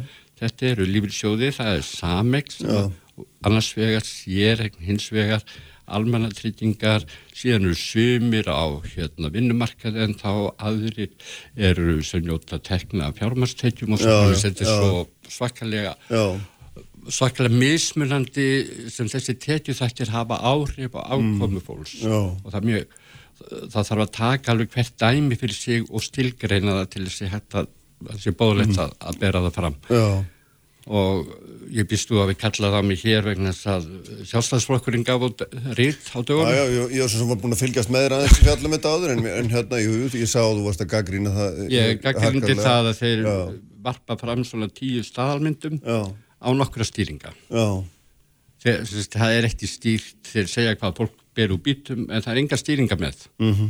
það er ekki sagt býtu, hvernig er þetta samsett hver, Mhm. hvað er viðkomandi með úr saminglasjóði hvað Mhm. sérflasjóði já, er hann já, já. og það sem undarlegast var þessi eftirleuna fólk þeirra var Mm. 66 ára almennu eftirleuna aldrei 67 ára þannig að það var enn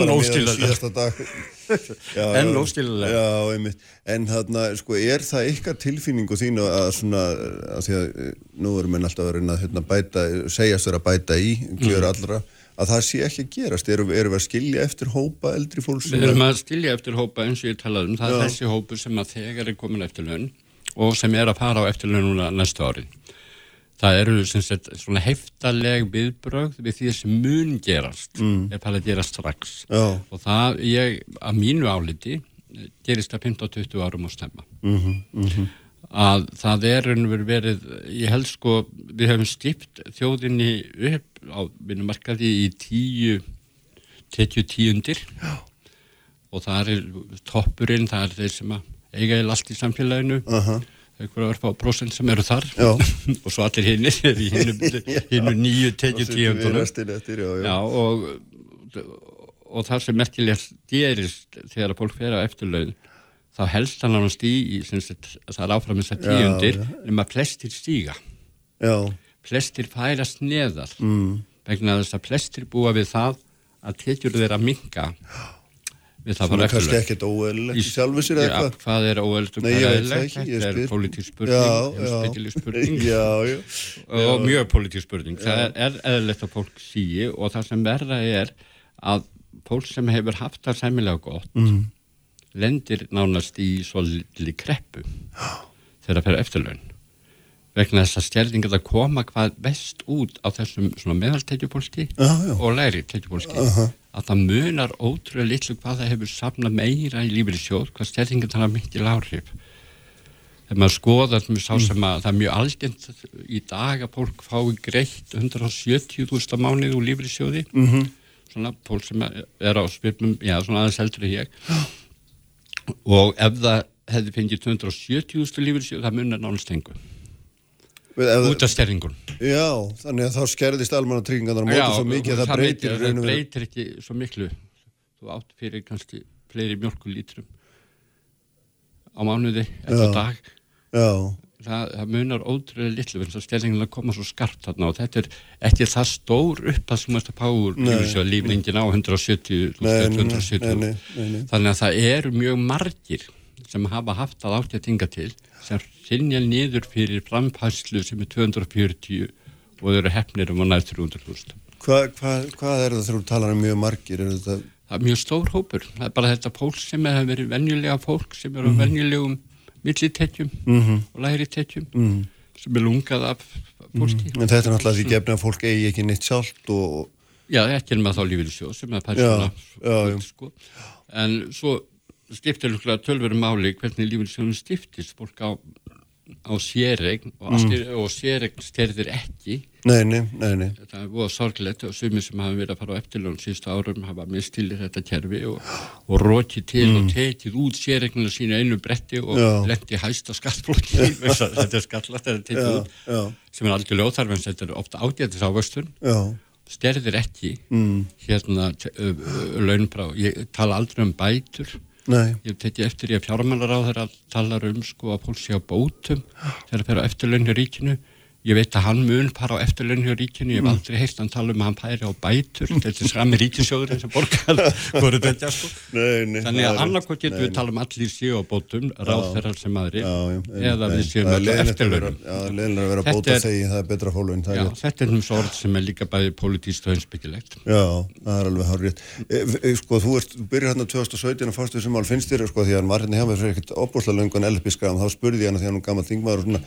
að fyrir að og hann sagði, ég fæ fyrir ofta að hitta ykkur ráður og ég spurði, hlustaði mikið á því, hann segi, já, þeir hlusta en svo gera þeir ekki neitt. En Sko- hvað hva finnst þér svona þegar þú... Já, að það, ég held að það verði að fara að hlusta og maður pinnur það núna, sko, nú fyrir að, að það fara að nálgast kostningar. Mm. Við veitum að verða kostningar á næsta ári, ekki bákvæða hvort að verða um haustið eða vorið, það kemur brálega ljós, en það per að, að að þetta, það eru einu atkvæðin sem við höfum, það Mm, eru kostningar við höfum, eða fólk sem er á eftirlunum hefur Nei, nei, og lengi vel var ekki gengi frá kjærasamningum á almennum vinnumarkaði nema ganga frá líka málefnu þeirra sem ekki höfðu atkvæða sér þar að segja eldriborgar og svo gerðist það núna við þennan þess að frægu lífskjærasamninga síðasta vor sem var hvað í apríl eða mæ, síðast ári já, já, og þar já. var gengi frá að hálfu atverðreikenda, af hálfu verkefæðisserfingar, hálfu stjórnvalda það sem að gengi svona ákveðin sátt sem að gerði þessu lífstæra samningum það var ekkert minnst á þennan stóra hóp Nei, nei, nei, nei. og það var mjög skrítið mál vegna þess að þarna var jú samkominlega um að bæta kjör þeirra lægstu og það var svona hækkað til þeirra lægstu en uh, eftirleina fólk var að býða alveg til 1. janúar því að það er bara 1. janúar hverju ári sem þeir fá einhver hækkun Mhm. og það er verður svolítið ef þú þetta býða eftir launahækkun í marga mánuði þá rýðnar raunver hækkunin með tímanum Já, já. svo loksins þegar hún kemur þá er hún 3,5% þannig að, Já, að þá verður þetta ansi Vonar lága lítið úr þessu þannig að ef Ellis Grám segir að það sé lítið gert það vegna þess að þetta er hópur sem hefur ekki samningsstöðu, hefur Mm. ekki verkvarsett en hefur atkvæðsrétt Já. og nú er kannski að renna upp fyrir stjórnmálumönnum að, að þetta er ansi mörg atkvæði Já, einmitt. En þau dreifast 50. náttúrulega bara eins og önnur. Já, en þau gætu dreifst öðruvísi þegar fólk vaknar upp við vondan draug. Sko. Þannig að það er kannski, og það er reyming á aðkvæðum í dag og ég held að verði líka það meðal eldri borgara eins og annara. Já, já. Veist, þetta er, það er ekki bara fjórflokku lengur, það er að festa sig í sessi í mjög sönnu Já, já, stjórnum. já, já. Þannig að ég held að flokkarnir þurfi svolítið að berjast fyrir sínum atkvæðum, þau er ekki trygg lengur, sko. Ljámandi, gott að fá þig viðar, takk fyrir það. Ég ætla að halda áfram hérna eftir augnablikum með Fríðunni Fríðunssinu og Silji Báru Ómarsdóttur. Við ætlum að fjalla þá aðeins um stjórnmál í bandaríkanum. Sprengisandur. Á bylgjunni Frettir þjóðmál og pólitík. Sprengisandur á bylgjunni. Sælilustendur Viðar Eggertsson farin frá mér, vorum að tala hér um svona kjör og stöðum eldri borgar á Íslandi en ég ætla að hérna, fara aðeins vestur um haf, þau eru sest hjá með Silja Bára Ómarsdóttur og Friðjón R. Friðjónsson, verði velkomin bæði. Þið eru svona klassist tvíegi hjá mér þegar að kemur að hérna, stjórnmála skýringum á því sem er að gerast vestanhafs og þar hérna hefur nú dreigið til tíðenda núna svona uh, demokrater hafa hafið hérna sitt forvál og það byrjaði nú illa hjá þeim því að þeir voru hérna í Æjófa og ætluðu að gera mikið úr því fyrsti staðurinn og átt að vera leiðbeinandi um framhaldið en svo, hérna, ég veit ekki, eru úrslitin einu svona orðin fullkomlega ljósa en það er ekki vissu það. En, en þarna og með og bara á sama tíma þá mistóst þeim auðvitað að rekja fórstanur embætti sem þeir voru búin að leggja mikið undir í líka þannig að ég veit ekki, hvað erum við að sjá? Erum við að sjá uppskrift bara, er, er þetta upphafið að öðru fjögur ára tímabili Trumps? Hvað Já, heldur það er allavega hana, uh, sko, demokraternar eru í vandræðum, uh, hérna, ég held að þeir hafa aldrei verið, sko, trúar á það að, að hérna, þeir myndu ná að, að setja fórsetan úr uh, embætti. Nei. En uh, það, það, það, það tókst að fá þarna þetta eina atkvæði úr republikanafloknum, þannig að hann getur ekki sagt með 100% vissu að þetta hafi verið flokkspolítískur uh, flokkspolítískar nornaveðar en uh, demokraternar eins og það segir, þeir eru náttúrulega í vandræðum eftir Iowa að, hérna, að get ekki annars vegar að hafa verið heila viku að koma niðurstöðunum Mm. uh, frá sér og svona verið að mjalla þeir út og, og hins vegar að, að það er eiginlega ekki skýr uh, úr þeim, hérna, þeim niðurstöðum og, og í gær ákvaðu demokrater í, í Nevada sem eru líka með svona kjörfundi eins og í Iowa og eru á dagskrá 22. Já. minnum ég februar að hérna, þá ákvaðu þeirra að sem sagt, bara hætta að nota þetta app sem að þeir voru búin að láta þróa sko. og, og síðan er það þetta líka vandræði að geta ekki treyst á, á hérna, hugbúnaðin og svona sko. Að, og, og, bara, og það kannski sem að, að svona stæsta sem að, að, að því að spyrðum sko er þetta upplegað að næstu fjórum árum með, með Donald Trump í kvítahúsinu þá uh, er það sem að mér finnst kannski stæsti stæsta vísbendingin, skýrasta vísbendingin um það er að uh, aðsókn, uh, uh, kjörsókn í Iowa var uh, bara um það bil svo sama og hún var 2016 170.000 mann sem það bil sem að tók þátt uh, á móti sko 240-50.000 sem að mættu á kjörstað þegar Obama var kjörinn Já. og þetta er kannski sérst, vísbendingi um það hversu spendir uh, demokrater, kjósendur demokrata eru fyrir frambjóðendunum almennt og, og, og svo tilfinning skilar sér inn í kostningabaratuna og þetta var auðvitað það sem að, að hérna, Clinton tapaði hvað mest á. Það var fólki sem satt heima í þessum leikil ríkjum og þetta held ég að, að vísi ekki á gott fyrir demokratana Nei, þetta er svona upp á ógæfu eða falli fara heil það er eftir í hvað maður hvernig maður tólkaði þetta Þetta er ágætt, að ég var ágættis áminning um það að tölfur og hérna og kostningar fara illa saman sko. Þannig að hérna Ritt blíið góða já, já, við, við, við, við, við íhaldsmenn í kostningum viljum bara hafa blíjantinn sko. Já, það akkurat stendur ritt blíið í lögunum já, akkurat. Rít blíða Já.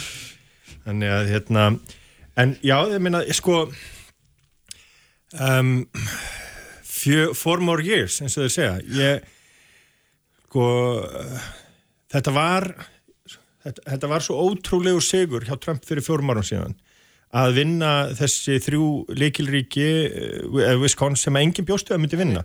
Wisconsin, Michigan og, og hérna Pennsylvania.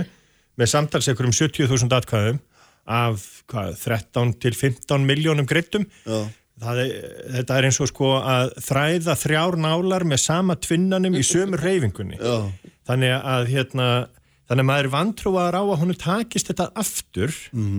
Uh, en á móti kemur sko að efnahagurinn gengur vel, það eru fleiri með vinnu það eru minnsta atvinnleysi síðan 1969 og svo framvegis og svo framvegis. Raunlaun er að hækka í fyrsta skipti í 25-30 ár. Nákvæmlega, sko, nákvæmlega. Þannig að fólk hefur það betra.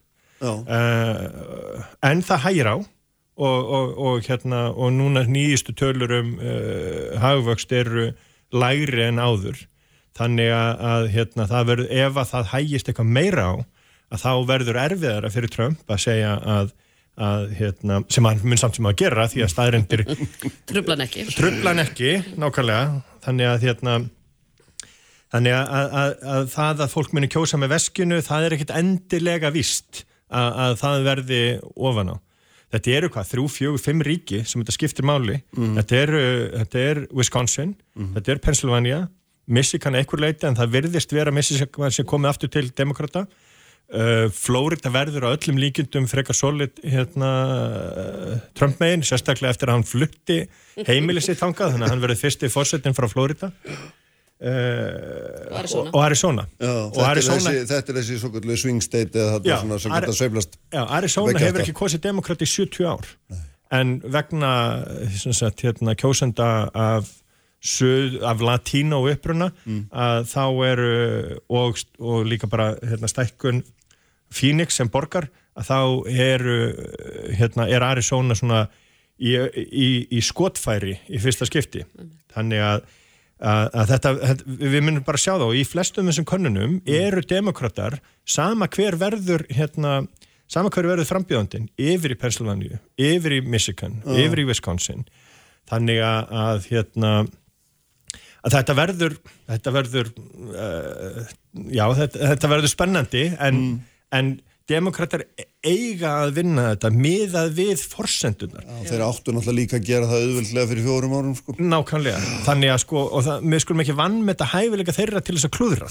Einmitt. Það hefur, það, Þeir- hefur, það það er- er eitthvað sem hefur allavega. þeir eru að Já. sína það mjög vel og, hérna, og, og, svona, og sko þegar maður er að einhvern veginn að reyna hérna, lesa sér gegnum þetta þá svona er líka alveg augljóst að það er það er svona, er engin afgerandi frambjóðandi. Þeir eru, bætin er einhvern veginn ekki af sterkur og hann átt að vera og hérna Nei, Já, Biden náttúrulega sko, sko hann hefði nátt að alveg geta sko performið eitthvað í Iowa en hann var bara ekki með nógu góðan undirbúning þar.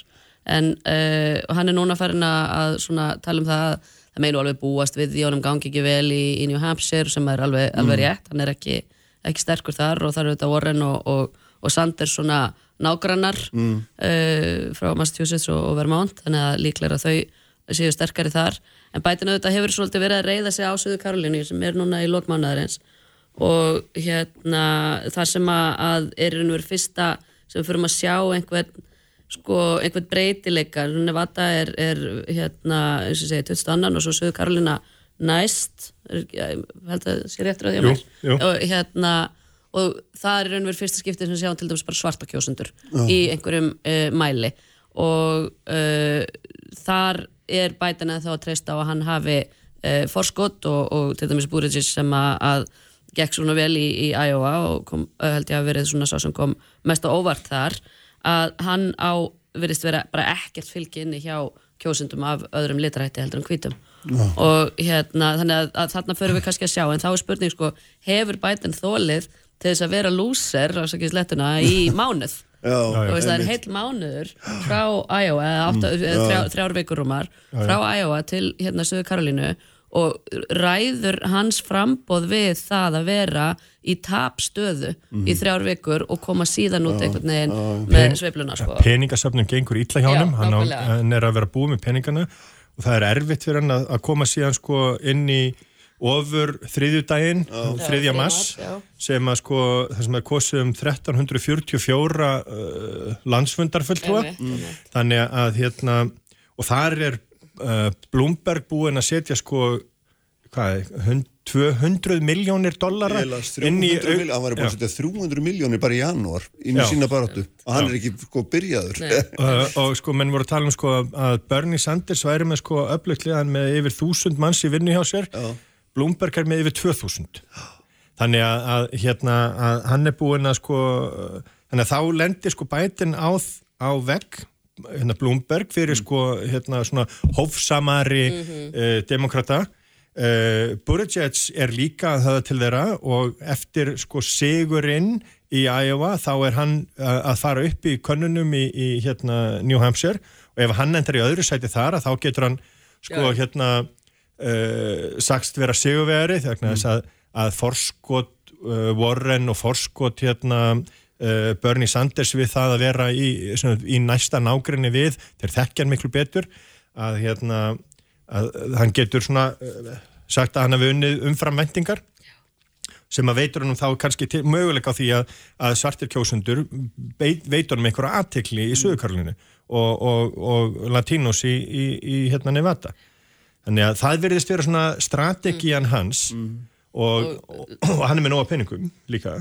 Uh, Buttigieg. Já. já, já, og hérna auðvitað sko eftir Iowa þá var náttúrulega verðum bara að viðkynna að, að hann reiknaði sig rétt inn í sko sigurinn þar hann er alltaf að talin hafa rekið frábæra kostningabaráttu Já, en hann rak hana líka mjög strategist þar að segja að Sanders vinnur sko hérna borgirnar Mm. en Búrisins vinnur í litlu hérna á litlu kjörstöðunum Já. sem að telja hlutfærslega meira þannig að hann vann Iowa ef hann vann það þetta 0,1% hana já. í, í, í kjörmannafulltrúanum sko, kjörmannafjöldanum þá vann hann það eins og Trump vann sko fórsetakostningarnar, Já. ekki á atkvæðum heldur á, á Já, því að fá að fá atkvæði á réttum Já. stöðum sko. já, já. og, hérna, og þannig að, að það sýnir auðvitað að, að það er fólk þarna með honum sem er að, að meta rétt hvar skiptir málið að leggja Mm, sér fram og, og hérna hvar er lægi að tapa Mhm. Við þurfum að gera östu hlið og hérna höldum áfram eitt smá stund Sprengisandur á bylgjunni alla sunnundasmórna. Uppspretta frétta á Sprengisandi á bylgjunni. Sælir afturlustundur erum hérna að loka, loka sprettinum Við erum hjá með Silja Bára Ómarsdóttur og Fríðjón R. Fríðjónsson Við erum að velta fyrir okkur auðvitað stöðunni í bandaríkjunum hérna, eftir þetta klúður demokrata í Iowa og svona frekar litlösa byrjun þar og svona Trump hefur aldrei getað notað það og slegið sér á brjóst og, og hann auðvitað honum tósta forðast að verða verða dæmdur úr embætti hérna, og svo sem var kannski fyrir sjáanlegt eins og Silja nefndi áður en samt það var svona hverjum sigur fyrir hann enga sigur. Sko það er alveg tvenn sem ég langar að ræða við ykkur núna. Það er ansverið þessi Bloomberg og Mike Bloomberg sem var auðvitað borgarstjóri í New York og er auðkífingur eins og Trump, sjálfsagt mjög svipaður að vera mætið eitthvað stað nála tí ég meina, menn er að tala um að hann geti keift sér fór stembæti, hann ætla að eða 200-300 miljónum, eða sé þegar búin að leggja inn 200 og hérna sé hugsanlega búin að einhverju meirum. Uh, annars er það, og hins vegar er það þessi sko, spurning sem maður líktu líka vakna, er einhver hérna meðal þessara fjögura sem helst kondi greina sem getur sigrað sitjandi fórsta svona Minna, þú veist, maður getur bara hugsað þetta, Bernie Sanders, hann er alltaf landi vinstri, Warren er náttúrulega gömul vonarstjarnaði vinstri í hópsins, mm. Buttigieg er, er hérna, samkynniður sem að demokratum finnst, kannski ekki skipta máli en mun alveg öruglega að koma upp þegar á, ef hann verður frambjóðandi og svo er Biden sem er eitthvað með svona, maður veit ekki alveg Já, svona stíður stundum á hérna, hrasarum tungun á sér og svona, hérna, svolítið getur, getur auðvitað klúðrað einhvern veginn hérna, kapraðum til dæmis og svona. E, hérna, sko þau þau mælast svona upp og niður þú veist, mm. þetta er auðvitað sko, Trump er hérna ofinsætli heldur en forverðar hans hafa verið á þessum tímapunkti í, í hérna, í ennbætti en hann er meðalveg óbúslega fast fylgi bara í þessum cirka 40% bara republikanir hafa bara stilt sér upp með honum og, og og þeir hefbundið skila sér á kjörstað og, og það er alltaf veikleikin hjá demokratunum er, veist, það er mætingin. Uh, hérna, þannig að, að uh, sko, Trump getur alveg unnið þetta. Og eins og ég var að nefna á þann sko, það sem að mér finnst kannski hérna uh, svona setja svona stæsta spurningamarki fyrir demokratana er þessi litla mæting í Iowa mm. þýðir hún að það verður lítil kjörsókn út í gegn og bara lítil stemming fyrir frambóði Eh, Blomberg auðvitað var ekki komin inn. Uh, ég sé hans svo sem ekkert verið eitthvað svona sem að sko drýfur fólk á kjörstaðu svo leiðis en hann er, er, hefur auðvitað verið mjög hérna, skilverkur í, í sínum kostningabaratum áður. Uh, hérna, hann er byrjað með auglýsingar og svona en við erum ekki verið að sjá neitt Sko, Nei, það er ekki reynd að vera komin í frambóði Nei, skilningi, og, veist, og, og kannanir hafa reynd að vera ekkert verið að sína hann vegna hann hefur ekki verið í frambóði í, á þeim stöðum sem hann byrjaði að mæla Nei, hann kemur inn þarna á þessum ofur þriðuti Já, kemur ekki inn þarna fyrir í mars sko. Og hérna þannig já, ég, þannig mjög svona að demokratin séu kannski uh, sko, þau sem að virðast vera líklegust fyrir utan Sanders þau eru óbúslega mikið á miðjunni og mín tilfinning fyrir þessum kostningum er að það þurfi að, að sækja nýja hópa á kjörstað mm -hmm. og ég held að miðjan sé ekki að fara að gera það neitt rosalega mikið Nei. þannig að svona, ég held að þetta sé ekki lofar ekki góðu eins og staðin er í dag fyrir demokratana Stóru rauk Sanders hafa myndið verið að hann getur sótt í nýja Já. hópa Já. en svo bara gerðist það ekki aðjó hann var ekkert að sækja í nýja hópa og það var ekkert, það varði engin sko sprenging af hérna af mætingu sko um, það verður mjög forhand að sjá hvað Blumberg gerir hann er umtalsvært ríkari heldur en Trump uh, Blumberg er metin á einhverja 60 miljardar dollara sem er 20 sinni meira enn Trump okay. og, menn, og, og menn meiri sé efast um að Trump sé Já. svo ríkur sko. Já, þannig að, að, að honum hafi sko vegna þess að, að eins og áður var sagt, staðrindir virðast vera algjörlega optional hjá honum uh, þannig að hérna og Trump og, og Bloomberg hefur syngt að hann ekki getur unni kostningar, hann er ekki mm. eins og stæjar sem er bara ríkur mm heldur eða hefur Bloomberg sannað sig á pólitiska vellinu með því að vinna kostningar í New York sem republikani mm. í New York sem er nokkuð uh, magnað já, já, og að ná því hérna því að sem að, sem að New York borg er frekar uh, höllundir demokrata mm. uh, þannig að sko þannig að, já, þannig að hann gæti alveg gert hann gæti, en hann hefur ekki þennan þennan hérna en enthusiasm sem ég veit ekki hvernig þú þýðir. Ástríðuna sko. Já, já. Það, er, það er ekki þannig að fólk sé bara hvað hrópand út á göttum ég vil Mike Bloomberg. Heldur, það, það vantar þetta sko þessi já, svona stemningu hérna, stemminguna í hjá þeim eiginlega öllum sko. og það er það sem að, að hérna náttúrulega þessum var alltaf Clinton var svo mikið gaggrind fyrir sko að það var ekki einhvern veginn þú veist það, það gustaði ekkit af framböðunennar sko. það var engin, þú veist, þess vegna satt fólk heima í Wisconsin ég, eða, eða kaus veist, til Stein eða eitthvað sko. já, já. ég er ekki Nei, vissum að Bernie náu þessum hérna, uh, þessum áhuga þessari ástríðu og þessari stemmingu Einmitt. vegna þess líka að liðið hans er svo handramt út í aðra frambjóðundur að, að þau, sko, þau voru ógeðsleg gagvart Hillary 2016 mm -hmm. og í raun og veru sko jarðvegurinn sem að sko Trump síðan hérna notaði til þess að, að búa til sko locker up ákallið og, og hún væri svo spilt og sliðis, það allt byrjaði hjá stöðnismönnum Sanders. Að hún væri hérna óheðarleg og, og spilt. Þannig að, að, hann, að hann á ekkert inni hjá til dæmis henni. Hún, það er ekkert langt síðan hún kom í viðtæli og sagði að, að Bernie Sanders væri óvinsæl hann hefði Þólir hann enginn. Þólar hann enginn í þinginu. Hann, hérna, hann hefur enga löggjöf eftir sig Hann og er soloisti, vinnur ekki með öðrum. Og hann varði, auðvitað- varði ekki demokrati fyrir 2016 Nei, nei, nákvæmlega. Uh, hérna, En síðan auðvitað líka, einmitt, þetta, þetta er nefnilega mjög áhugavert sko, því þetta er sko rökin fyrir frambóði börnís frá honum og stöðnismannum hans er þetta að hann sækja annað og svona. Og uh, þegar að hérna, að því að þessi, þessi kjörfundir í Iowa eru náttúrulega mjög sérstakir. En þá mæti fólk sko og það stillir sér upp með sínum frambjóðanda og, og ef að sá frambjóðandi er ekki síðan lífanlegur, næri ekki 15% frambóðinu, þá reynir fólk að smala yfir og hérna fá fólk yfir til sín.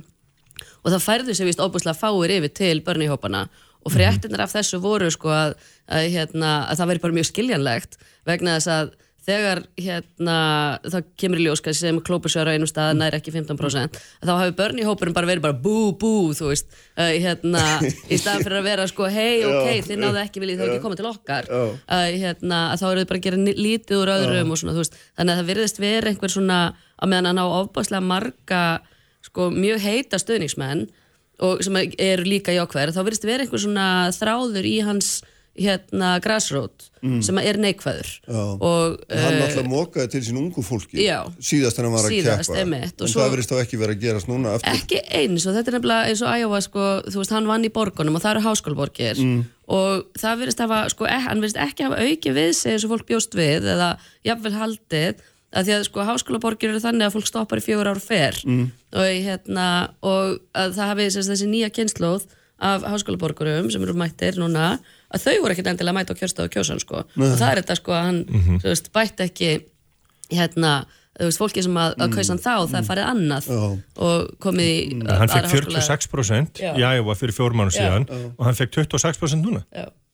þannig að þú veist þannig að það bara blasir við að hann var að, hann var að missa fylgi Já. það, voru En fleiri valkostur auðvitað Náttúrulega fleiri við dreifist meira, við þurfum að fara að ljúka bara örstuð ég meina, hérna, sá sem ætlar í slag við Trump hann verður að hafa einhver atkvæði af honum Já. er það ekki? Já, Eða ge- er- eða sækja ný, skilur, Já, það, það já. er hérna, þú veist Clinton vann með þryggja miljón, miljóna Já, þú já, veist, hérna, já, fleiri já. atkvæðum heldur en Trump, sko bara ekki á réttum stöðum þannig að það þarf ekki endilega að hafa atkvæði af honum en það þarf að fá atkvæði á réttum stöðum þarf, frambjóðandinn þarf að Já. passa upp á sko, atkvæði sem hafa kosið demokrata í áratugi í Pennsylvania og Michigan og Wisconsin ef þau gera það, að þá vinna þeir þetta Þetta er svona einfalt þrjóðan að vissu leiti Þetta er svona einfalt, já. Heyrðu, það er gott að vita. Ég, ég, ég ætla að ringja út og bjóða því fram sem ráðgjá Heyrðu, takk fyrir að koma bæðið til það er hérna, alltaf gaman að hafa ykkur um þetta. Það er ótrúlegir fróðulegs spurningar um þessi mál. Hérna, við erum að láta þessu lokið í dag. Uh, Ívar Jón Haldursson stýrið að sjálfsögðu útsendingu eins og alltaf allt efni er á bilgjam.is og vísi.is og sjálfur verði ég hjá svo aftur með ykkur hér eftir. Viku, verið sæl